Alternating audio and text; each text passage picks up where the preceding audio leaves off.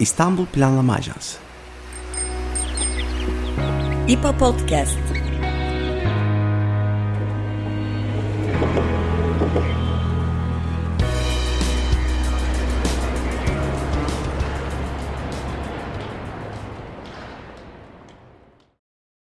Merhaba, İstanbul Planlama Ajansı tarafından hazırlanan İPA Podcast'a hoş geldiniz.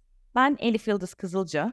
Ben Berkan Özyer. 11 Eylül itibariyle Türkiye genelinde yaklaşık 20 milyondan fazla öğrenci ders başı yapmış durumda. Bununla birlikte eğitime dair pek çok konuda yeniden gündeme geldi. Esasında e, gündemlerde hiç düşmemesi gereken belki de bir e, ülkeye dair, yönetime dair, geleceğimize dair en temel konulardan bir tanesi olan eğitim. Eğitime erişim, artan maliyetler başta olmak üzere pek çok konuyla tartışılmakta. Ancak bunu tabii e, belki hiç ana akımdan, gündemden düşmemesi e, gerektiği gerçeğiyle de birlikte e, bu konuların yeniden ve daha sık ve daha yoğun bir şekilde tartışılmasına yönelik bir e, konuşma yapmak istedik bugün de. Bunu da e, Türkiye eğitim sistemindeki temel konuları eğitim reformu girişiminden politika analisti Özgünür Korlu ile konuşacağız bugün de. Özgünür Hanım hoş geldiniz. Hoş buldum. Ee, hoş geldiniz. Ee, yani biraz aslında Berkan da giriş yaptı. Yani eğitimin niteliği, pahalılık, işte özel okullar, devlet okulları, beslenme. Ee, yani yakın zamanda hakkında hatta bir bilgi notu yayınladığınız kız çocukların eğitim hakkı gibi pek çok önemli bir konu var eğitim alanında önümüzde. Ee, öncelikle sizden bir genel değerlendirme almak istiyoruz aslında. Yani geçtiğimiz yılı da hesaba katarak e, bu yeni eğitim yılında acil müdahale gerektiren öncelikli konular sizce neler olacak? Öncelikle eğitim hakkı söz konusu olduğunda erişimle başlamak gerekiyor. 2021-22 yılı eğitim verileri var elimizde ve bu bize gösteriyor ki yaklaşık 570 bin çocuk eğitim dışında. Ee, geçtiğimiz eğitim yılının verileri yakın zamanda açıklanacaklar ve e, dolayısıyla bizim önümüzde eğitim erişimle ilgili bir problem olduğu açık. Yani çocukların okula erişimini sağlamadan eğitim niteliğiyle ilgili adımların atılması zorlaşıyor. Dolayısıyla önce bütün çocukların eğitime erişebildiğinden e, emin olmamız gerekecek. Tabii ki yaşadığımız krizler e, başta deprem felaketi olmak üzere çocukların eğitimine nasıl etkileyecek? Bunlar önemli sorunlar önümüzdeki. Biz bu 570 bin çocuğun özelliklerine baktığımızda yaklaşık yarısının kız, yarısının oğlan çocuk olduğunu görüyoruz. Ve yaş gruplarına göre de ne zaman eğitimden ayrılıyorlar, nasıl eğitimden ayrılıyorlar diye baktığımızda da özellikle 15 yaşından sonra eğitimden kopuşun daha fazla olduğunu görüyoruz. 15 yaşta çocuklar için e, daha doğrusu resmi olarak çalışmaya başlama yaşı. Dolayısıyla bu önemli bir dönüm noktasını işaret ediyor çocuklarda ve 15 yaşından sonra da işte resmi evlenmeye izin verilme yaşı 16-17 ile birlikte de e, bu gibi sorunlarla eğitim dışına çıkan çocukların sayısı artıyor. Tabii ki bu çocukların profillerine dair fazla bilgi sahibi değiliz. Çünkü bu alanda çok sınırlı mikro veri toplayabildiğimiz araştırma var. Ama baktığımızda bildiğimiz bazı özellikler var. Özellikle kız çocuklarında e, bu sorunların daha yoğunlukla yaşandığını görüyoruz. Kırsaldaki kız çocuklarında. Bunu gösteren çeşitli TÜİK araştırmaları var. E, araştırmacıların çalışmaları var. Benzer şekilde engelli çocukların, e, mülteci çocukların, sığınmacı çocukların eğitimden uzak kalma riski daha yüksek gruplar olduğunu görüyoruz. Dolayısıyla bunlara ilişkin müdahaleler öncelikli programlar arasında yer almak zorunda. Bir diğer başlık sosyoekonomik durumun eğitime etkileri. Biz bunları hem okullar arası imkan farkları boyutunda görüyoruz hem de öğrenciler arası farklar boyutunda görüyoruz. Öncelikle tabii ki sosyoekonomik durum öğrencinin okula, eğitime erişebilmesiyle de ilgili. Baktığımızda bu çocuğun eğitimden kopuşunu etkileyen faktörlerden, çocuk işçiliğine yönelmesine neden olan faktörlerden biri olarak öne çıkıyor. Ama aynı zamanda çocukların çeşitli başarılarını ölçen, akademik durumlarını ölçen, öğrenme durumlarını ölçen çeşitli araştırmalar da bize ortaya koyuyor ki aslında sosyoekonomik durum çocuğun okul başarısını da, akademik başarısını da yakından etkiliyor. E bu durum söz konusu olduğunda da aslında çözülmesi gereken en önemli problemlerden biri olarak karşımıza çıkıyor. Çünkü eğitim bir kamu politikası alanı ve içerisinde sosyal politika müdahaleleri de barındıran bir e, kamu politikası alanı alanı. Bu çerçevede aslında eğitim sisteminin biz eşitsizlikleri yeniden üretmesini değil çözmesini bekliyoruz. Fakat sosyoekonomik duruma ilişkin bu veriler başta olmak üzere biz aslında Türkiye'deki eğitim sisteminin mevcut eşitsizlikleri yeniden ürettiğini, çocukların sahip oldukları eşitsizliklerle eğitim sistemi dışına çıktığını, mezun olduğunu gösteriyor ki bunlar önemli sorunlar. Dan bazıları Bir diğer nokta öğrenme kayıpları. Yani sosyoekonomik durumun eğitim etkilerinden de bahsettim bundan ama biliyorsunuz bir pandemi yaşadık ve Türkiye okulların en uzun süre kapalı kaldığı ülkelerden bir tanesiydi. Ve o hane koşulları eğitimdeki çocuğun eğitime erişim durumunu, eğitiminin niteliğini doğrudan etkiledi. Bu bitmişken 6 Şubat depremleriyle birlikte aslında yeni bir e, kriz, yeni bir sorun silsilesi de aslında çocukların öğretim, öğrenme kayıplarını etkileyecek bir değişken olarak hayatlarımıza girdi. Burada da zaten biz eğitimde bölgeler arası farklardan söz ediyorduk. Depremlerin belli bir bölgede yoğunlaşması, bu bölgenin de özellikle eğitime yönelik bazı dezavantajların yoğun olarak gözlemlediğimiz okula erişim, kız çocukların okula erişimi, öğrenme kayıpları boyutlarında aslında resmi bizim için daha da e, zorlu bir hale getirdi.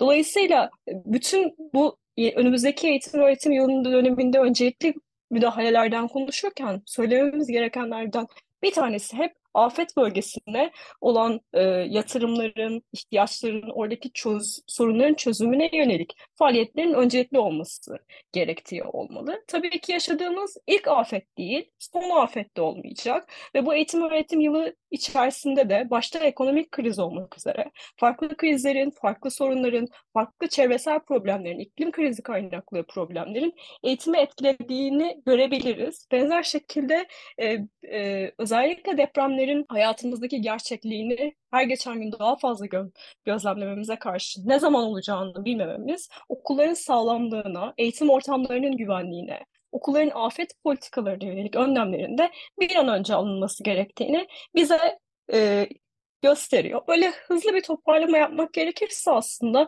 yani bu sene Cumhuriyet'in 100. yıl dönümünü de kutlayacağız ve bu yılın aslında çocuğun haklarını merkeze koyan, öğretmenlerin psikolojik ve mesleki iyi olma hallerine yatırım yapan bir eğitim sistemi içerisinde geçmesi tüm eğitim paydaşları için çok önemli olacak. Özgür Hanım siz de bahsettiğiniz e, akut konuların deprem, pandemi gibi akut konuların yanında esasında bir daha sistemik bir e, tartışılması gereken konular da var sanırım. Özellikle eğitim alanında belki de en istikrarlı olması gereken konulardan biri olmasına rağmen sıklıkla politika değişiklikleri olduğunu, e, bazı pratik konularda sık, yani iki ileri bir geri bazı konuların sıklıkla değiştiğini görebiliyoruz. Bunu da e, özellikle en bariz bir şekilde herhalde üniversite giriş sınav sonuçlarının açıklandığı işte e, sıfır çekme diye tabir edilen bir e, başarısızlık neticelerinde de e, yansımasını görüyoruz. Siz bu e, sık politika değişikliğinin, sistemik e, sorunlardaki e, nedir, belirsizliklerin ve istikrarsızlığın genel sistemdeki yansımasını nasıl görüyorsunuz? Özellikle dediğiniz gibi e, Cumhuriyet'in 100. yılında gelmişken. Bu noktada şunun altını çizmek lazım ki eğitim aslında çok dinamik bir politika alanı. Bir yandan bir eğitim hizmeti veriliyor ve o eğitim hizmetinin sürekliliğinin sağlanması çok önemli.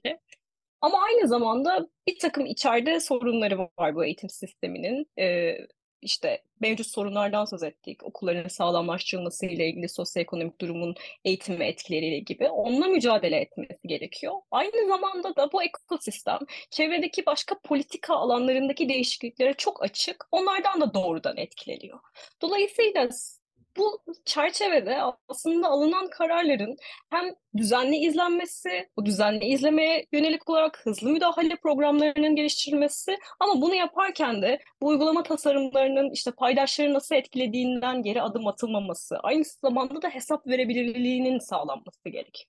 Şimdi biz bu noktada bir bu politikaların etkilerine yönelik bir takım araştırmaların yapılmasına ihtiyaç duyuyoruz. Evet, çok sık politikayı değişiyor ve eğer bunlar bir ihtiyaçlar çerçevesinde yapılıyorsa bunların gerekçesinin kamuoyuyla paylaşılması çok önemli olacak. Çünkü birincisi bir kamu kaynağından söz ediyoruz ve bu kamu kaynağı hepimizin ortaya koyduğu katkılarla e, inşa ediliyor ve nasıl kullanıldığı da hepimizi ilgilendiren konular. E, bir diğer nokta da Burada hani bir kaynağın kullanılmasını sadece finansal kaynaklar olarak düşünmemek lazım. İşte burada bir zaman harcanması, e, buna bir alışma süresi insanların bunların hepsi ayrı boyutlarıyla aslında bu iş için harcanan, bu işe ayrılan kaynaklar olarak e, dile getirilmesi, bunun e, bu şekilde düşünülmesi de gerekiyor. Bu doğrultuda da aslında değişikliklerin yapılmasının yanı sıra bunların nasıl yapıldığı ve hesap verebilir olup olmadığını e, incelemek önemli. E, bu nasıl yapıldığı boyutunda aslında e, çoğu zaman pek çok politika değişikliğine Türkiye'de getirilen itiraz eğitim sistemi özelinde de paydaşların görüşlerinin yeterince alınmadığı noktasındaydı. Ee, burada politika kalıların katılım süreçlerinin daha katılımcı bir yapıda dizayn edilmesi çok önemli. Çünkü yani hepimiz kendi hayatlarımızdan da şunu biliyoruz. Eğer bir e, politikadan en çok ben etkileniyorsam oradaki en derin ihtiyacı da ben biliyorum. Çünkü en e, fazla bu konuyu yaşayan, bununla karşı karşıya kalan benim diye düşünebiliyoruz kendi e, hayatımızda. Ve benzer bir şey bir şey aslında öğretmenler, öğrenciler, veliler içerisinde geçerli. Yani e, Örneğin ders değişiklikleriyle ilgili bir karar almak, sınav değişiklikleriyle ilgili bir karar almak, bürokratik boyutunu düşününce çok zor bir süreç değil. Yani sonuçta bir açıklama yapıyorsunuz kamuoyuna ve bunu uygulanmaya başladığını düşünüyorsunuz. Ama bir çocuğun hayatında bu nasıl değişiyor? Yani o çocuk o çocuğun örneğin ortalama ne kadar sürede sınava hazırlanıyor? Ailesi e, ne kadar kaynak ayırıyor? Bu kaynakları nasıl kullanıyor? Ve sizin sınav sisteminde yapacağınız değişiklik o çocuğun tüm bu düzenini nasıl etkileyecek sorunları aslında bu politikanın tasarımının çok önemli bir boyut. Bu çerçevede e, daha fazla katılımcılık sağlandığında da aslında o uygulamaların başarısının da arttığını görüyoruz. Çünkü hani dinamik bir e, politika ekosistemi olduğundan bahsettik e, eğitimin ve aynı zamanda aslında kompleks problemlerin olduğu da bir alan. Biz mesela kompleks problemlerin olduğu alanlarda işte buradan ben e, bir domates koydum, buradan ketçap çıktı gibi sonuçlar bekleyemeyiz. Yani burada attığımız her müdahale aynı zamanda beklemediğimiz sonuçlara da yol açabilir. Dolayısıyla burada daha fazla paydaş katılımını, onların sesinin daha fazla e, yer almasını sağladığımızda politikaların istenilen sonuçlara daha fazla uymasını da sağlarız. Bu da aslında o istikrarın sağlanmasını, sık politika değişikliklerinin önüne geçilmesini sağlar. Bir diğer nokta burada altı çizilmesi gerekenlerden bir tanesi de izleme çalışmaları. Dedik ki yani burada e, dinamik bir ortam burası, hızlı izlemek gerekiyor, hızlı müdahaleler geliştirmek gerekiyor. Dolayısıyla izleme sisteminin bu da yönelik dizayn edilmesi çok önemli. Burada sadece kamunun kendi içerisinde izleme yapmasından söz etmiyoruz. Birincisi onun o izlemeyi yapması şart çünkü politikaları ona göre geliştirmesi gerekiyor. Doğru müdahale programları bu şekilde geliştirilebiliyor.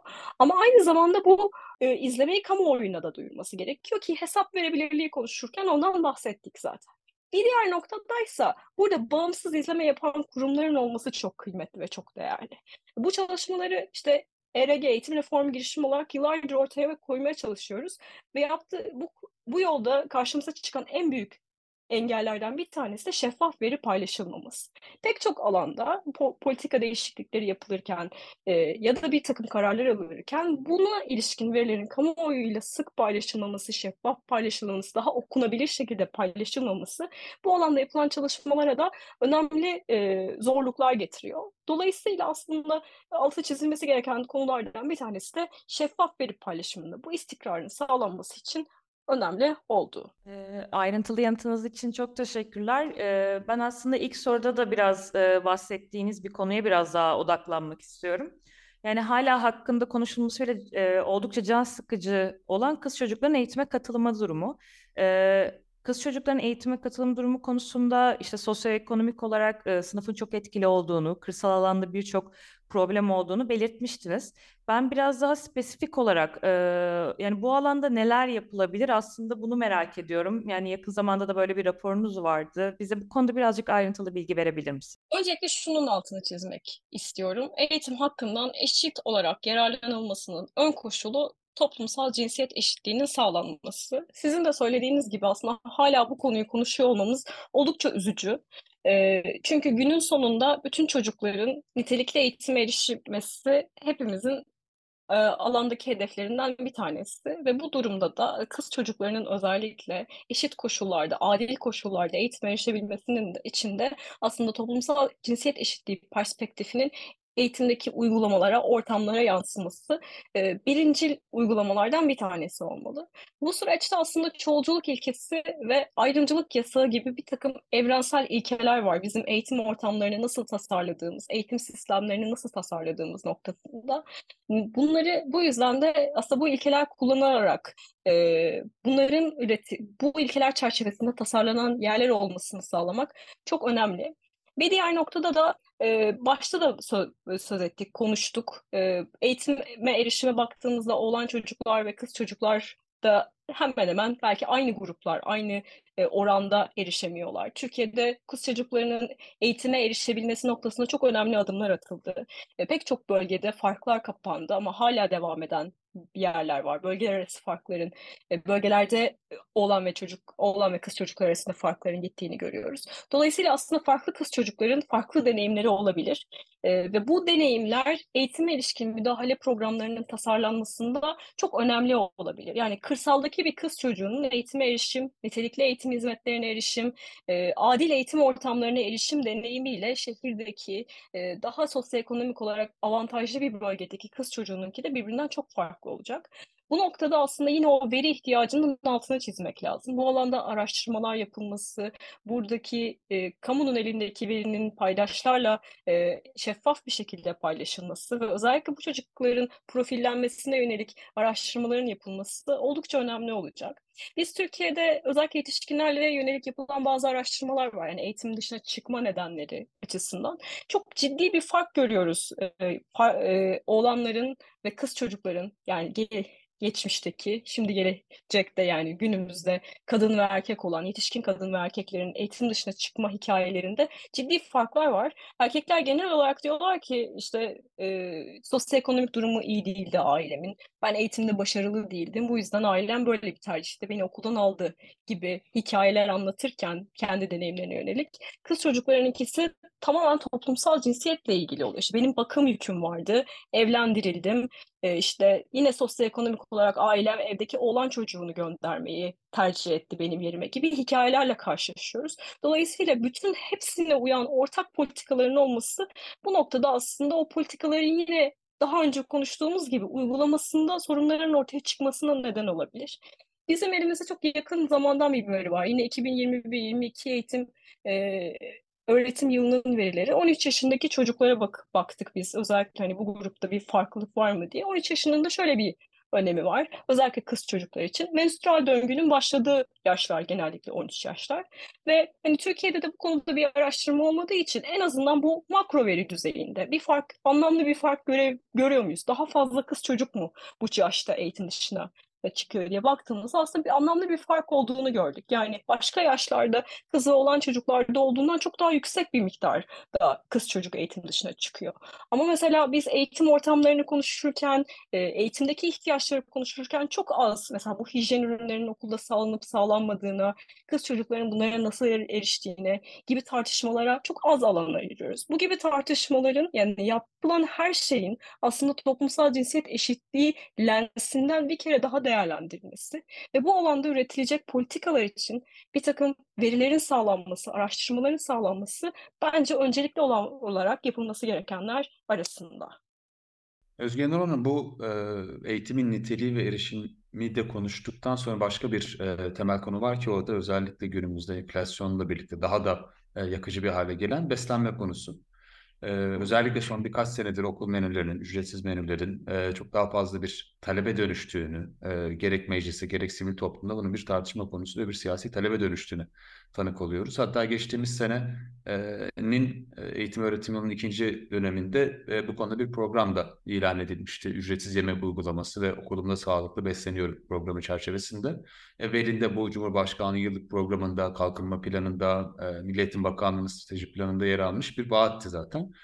Fakat bu sene de son günlerde özellikle bu plandan geri adım atıldığını, tamamen genel bir uygulamaya dönüşemediğine dair e, haberler var. Bu konuda bir okulda beslenme konusunun neden e, önemli olduğunu, bu konuda uluslararası örneklerin ne yönde seyrettiğini ve e, Türkiye'de ne ölçüde buna bu konuda e, ihtiyaç olduğunu da sormak isteriz. Bu konunun hem kamuoyunda yani bu beslenme ve eğitim ilişkisi üzerine kamuoyunda farkındalık oluşturması öncelikle çok sevindirici. Çünkü eğitim alanında çalışanların da e, çocuk hakları konusunda çalışanların da çocuk esenliği üzerine çalışanların da çok uzun yıllardır vurguladığı e, önemli politika uygulamalarından bir tanesiydi. Dolayısıyla en azından e, kamuoyu genelinde bir ortak aklın oluşması ve herkesin bunu kabul etmiş olmasını ben çok e, sevindirici buluyorum. Bu gibi kamuoyu baskıları aslında pek çok politikanın başarıya ulaşmasını, o uygulanmasını e, sağlıyorlar. E, Diğer taraftan da aslında sizin dediğiniz gibi 6 Şubat'a kadar, 6 Şubat depremlerine kadar e, Milli Bakanlığı'nın hem e, kamuoyundaki bu talep hem de e, seçim nedeniyle önemli bir politika e, hedefiydi ve bunu gerçekleştirmeye yönelik adımlar da atmaya başlamıştı. O noktada bıraktığımızda söylenen okul öncesinde bunun yaygınlaştırılacağı e, en başta ki bu hem alandaki çalışmalara hem alandaki taleplere çok uyuyor. Çünkü özellikle küçük yaşta beslenme eksikliklerinin tamamlanması çocuğun gelişimi için hem zihinsel hem bedensel gelişimi için çok önemli. Dolayısıyla ilk olarak gerçekten müdahale programının yaratılması gereken yer erken çocukluk ve okul öncesi eğitim. E, bir diğer nokta da aslında bu politika uygulansa nasıl uygulanır diye böyle tasarımcılar olarak, hizmet tasarımcıları ve e, siyaset bilimciler alandaki e, politika tasarımcıları olarak konuştuğumuzda da işaret ettiğimiz bir nokta aslında taşımalı eğitimin bunun için bir dönüşüm aracı olarak kullanılabileceğiydi. Taşımalı eğitimi şöyle bir açıklamak gerekirse dinleyicilerimiz için aslında özellikle Türkiye'de e, okula erişim noktasında toplu taşıma hizmetlerinden yararlanamayacak kadar uzakta e, ikamet eden ve e, yürüyerek gidebileceği çevresinde bir okulu olmayan çocuklara devlet taşıma hizmeti sağlıyor. Bir takım ihalelere çıkılıyor ve ücretsiz bir şekilde servisler çocukları taşıma merkezi dediğimiz okullara e, götürüyorlar. Taşıma merkezi olan okulların ise şöyle bir özelliği var. Bu okullar sadece taşımalı eğitim hizmetlerinden yararlanan çocukları kabul etmiyor. Yani çevrede başka çocuklar varsa, kendi imkanlarıyla gelebilen çocuklar varsa o çocuklar da bu okullarda eğitim görüyorlar. Fakat geçtiğimiz seneye kadar bu okullarda sadece taşımalı eğitim hizmetinden sağlanan çocuklara ücretsiz okul yemeği hizmeti sağlanıyordu. Ve özellikle çocuklarla yapılan görüşmelerde bunun onlar arasında ayrımcılığa sebep olduğunu söyledi. Yani mesela bazı çocuklar şey diyordu, onlar yararlanabiliyor, neden biz yararlanamıyoruz diye. Ya da bazı e, vakalarda, örneğin İngiltere'de de mesela çok görülen e, bir e, sorunlardan bir tanesi bu, etiketlemeye sebep oluyor. Yani sizin taşımalı eğitim öğrencisi olduğunuzu bilmeseniz de yani bir devlet hizmetinden yararlandığınız bilinmese dahi öğle yemeği yediğiniz için bütün çocuklar sizin bu e, grupta olduğunuzu fark ediyorlar. O da bir takım zorbalıklara yol açabiliyor. Eğitim Bakanlığı e, Buna yönelik olarak geçtiğimiz sene taşımalı eğitim merkezlerindeki taşımalı eğitim merkezi olan bu okullarda herkese, bütün çocuklara e, okul yemeği hizmeti verileceğini söyledi ki bu da yine e, önemli bir başlangıçtı. Ama 6 Şubat'tan sonraydı özellikle okul eğitimi, okul öncesi eğitimde e, yaygınlaştırılması. 6 Şubat depremlerinin yaşanması ile birlikte politika öncelikleri değişti. E, yeni dönemde e, nerede kaldığını göreceğiz. En son açıklamalar bazı bölgelerde pilotlandığı, e, başladığı yönünde. Genellikle bu tip uygulamaların zaten dezavantajlı okullardan başlayarak yaygınlaştırıldığını görüyoruz. O doğrultuda bir hareket ediliyor. Ama tabii ki çok daha hızlı bir şekilde e, bu müdahalenin tasarlanması, e, uygulamaya geçilmesi önemli. Çünkü yani e, bir çocuk için bir gün yemek yiyememesi, e, telafi etmek çok önemli. Yani çünkü o her gün büyüyor. O, o ihtiyacın bir an önce e, karşılanması gerekiyor. Dünyadaki uygulamalara baktığımızda da aslında çok popüler bir e, politika, müdahale politikası okul yemeği. E, Özellikle e, Dünya Gıda Örgütü'nün e, yayınladığı verilere göre her iki çocuktan biri böyle bir hizmetten yararlanıyor dünyada. Fakat okul yemeği uygulamaları farklılaşıyor. İşte çocuğa e, süt dağıttığınızda da işte kuru yemiş dağıttığınızda da okul yemeği kategorisine giriyor. Sabah kahvaltısı verdiğinizde, öğle yemeği verdiğinizde de giriyor. E, ama hani hangi şekilde olursa olsun en azından bu politikanın okula devamı arttırdığına yönelik çeşitli bulgular var. Bunun yanı sıra da aslında o eğitimin, o yemeğin niteliği arttığınca çocuğun özellikle besin ihtiyaçlarını karşıladığı e, ve zihinsel e, ve bedensel e, gelişimini desteklediği de ortaya konulan başlıklar arasında. E, özellikle dünyada tekrar tartışmaya açılmasının e, nedenlerinden bir tanesi pandemi oldu. E, pandemide biliyorsunuz çocuklar okula erişemeyince yemeğe erişememe durumları oluştu ve bunu çözmek için neler yapılabilir diye. Ve bu e, akım aslında hareketin tekrar popülerliğini getirdi. Özellikle böyle daha bölgesel olarak son olarak Londra'da bütün çocuklara verileceği söylendi. Amerika'da çeşitli eyaletlerde tüm çocuklara ücretsiz okul yemeği sağlanacağı söylendi. E, gibi uygulamalar var. Bütün bu uygulamaları tasarlarken e, dikkat edilmesi gereken noktalar tabii ki gıda güvenliğinin sağlanması. E, sürdürülebilir kalkınma açısından da çok önemli bir politika. Dolayısıyla bunun yerel ürünlerle sağlanması bölgesel kalkınmaya da katkı sunan bir madde. Ama tabii ki bunun yanı sıra e, bu hizmeti sadece dezavantajlı çocuklarla sınırlamamak. Ee, eğer böyle bir e, ayrım yapılacaksa da okul bazlı hepsine verilerek e, bir çözüm geliştirilmesi tavsiye ediliyor. Biraz önce de böyle ufak bahsettiğim gibi eğer e, sadece belirli çocuklara veriliyorsa bir okulun içerisinde zorbalık vakalarını arttırdığı, çeşitli sorunlara, çocuğun hizmetten yararlanmasını da etkilediği görülüyor. Örneğin mesela İngiltere'de çok uzun yıllardır dezavantajlı çocuklara e, sağlanan bir hizmet bu. Bazı çocuklar e, okul yemeği yemiyorlar ki e, arkadaşları mesela bu dezavantajlı grupta olduklarını anlamasınlar. Onlara ona gö- göre davranmasınlar diye. Bu tip uygulamaları da e, değerlendirerek e, tasarlanması gereken bir durumda. Dediğim gibi e, atılacak daha çok adım var önümüzde. Çok acil de bir ihtiyaç çünkü bugün okullar açıldı. E, ama e, özellikle kamuoyunun desteğiyle ben e, önemli adımların atılmaya devam edeceğine inanıyorum bu alanda.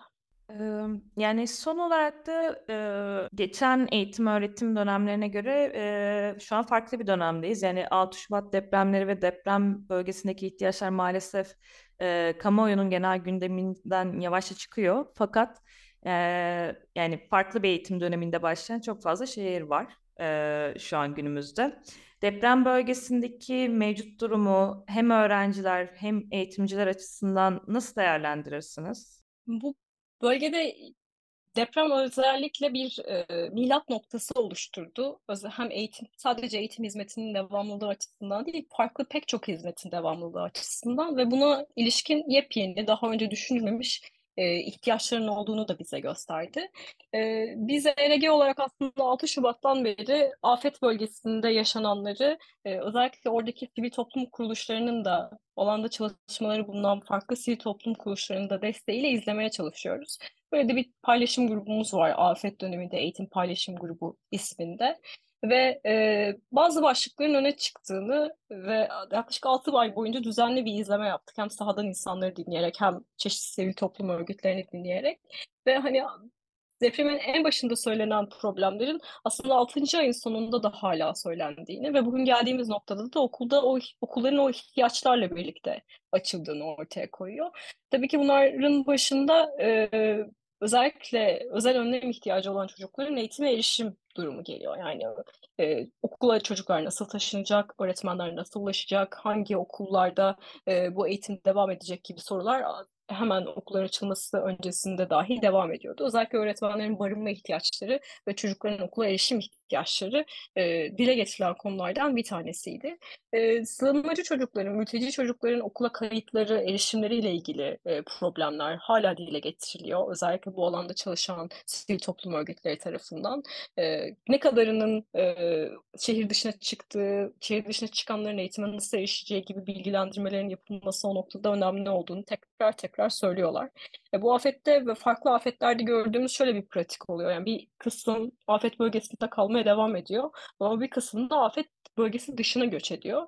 Ve orada da aslında buradan gelen çocuklara yönelik bir takım politikaların uygulanması önemli oluyor. Yani e, afetten etkilenen bir çocuğun sınıfında olması e, öğretmenin bu konuda desteklenmesini e, ihtiyacını getiriyor. Yine o da oradaki çocukların e, bir takım e, ayrımcılık vakaları oluşmaması için e, bilgilendirmesini önemli hale getiriyor.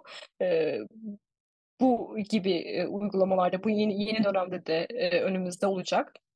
Şimdi okulların açılmasıyla birlikte aslında afet bölgesinde telafi eğitimi başlayacak. Ee, onun e, çıktılarının izlenmesi önemli. Çünkü işte öğrenme kayıpları açısından bu program içerisinde de konuştuk. Böyle pandemi sonrasında da gelen böyle birikmiş bir öğrenme kaybından söz ediyoruz. Yani onun e, bu telafi programı ne kadar etkili olacak hepimizin e, izleme çalışmalarındaki önemli başlıklardan bir tanesi.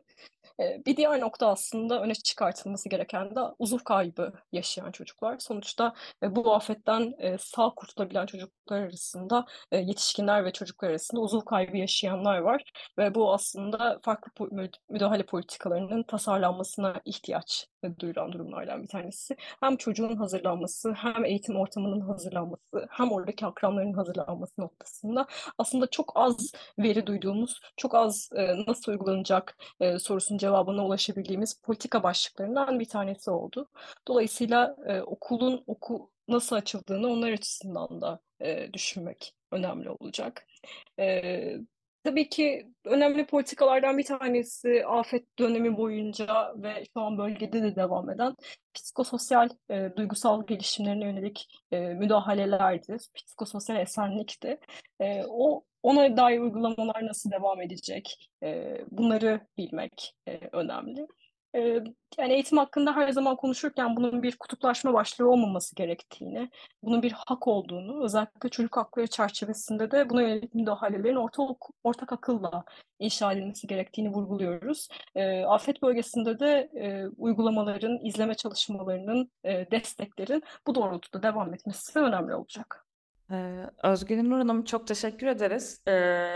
Yani galiba her bir sorumuz aslında bir bölüme değer sorulardı.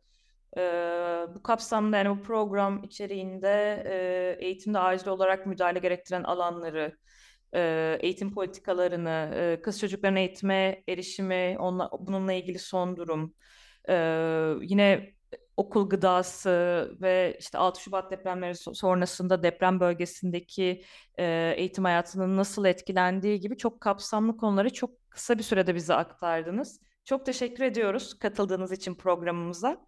Ben teşekkür ederim beni davet ettiğiniz, bu önemli konuları konuşacak bir alan açtığınız için. Tekrar teşekkürler. Bir sonraki programda görüşmek üzere. Görüşmek üzere. İstanbul Planlama Ajansı Podcast.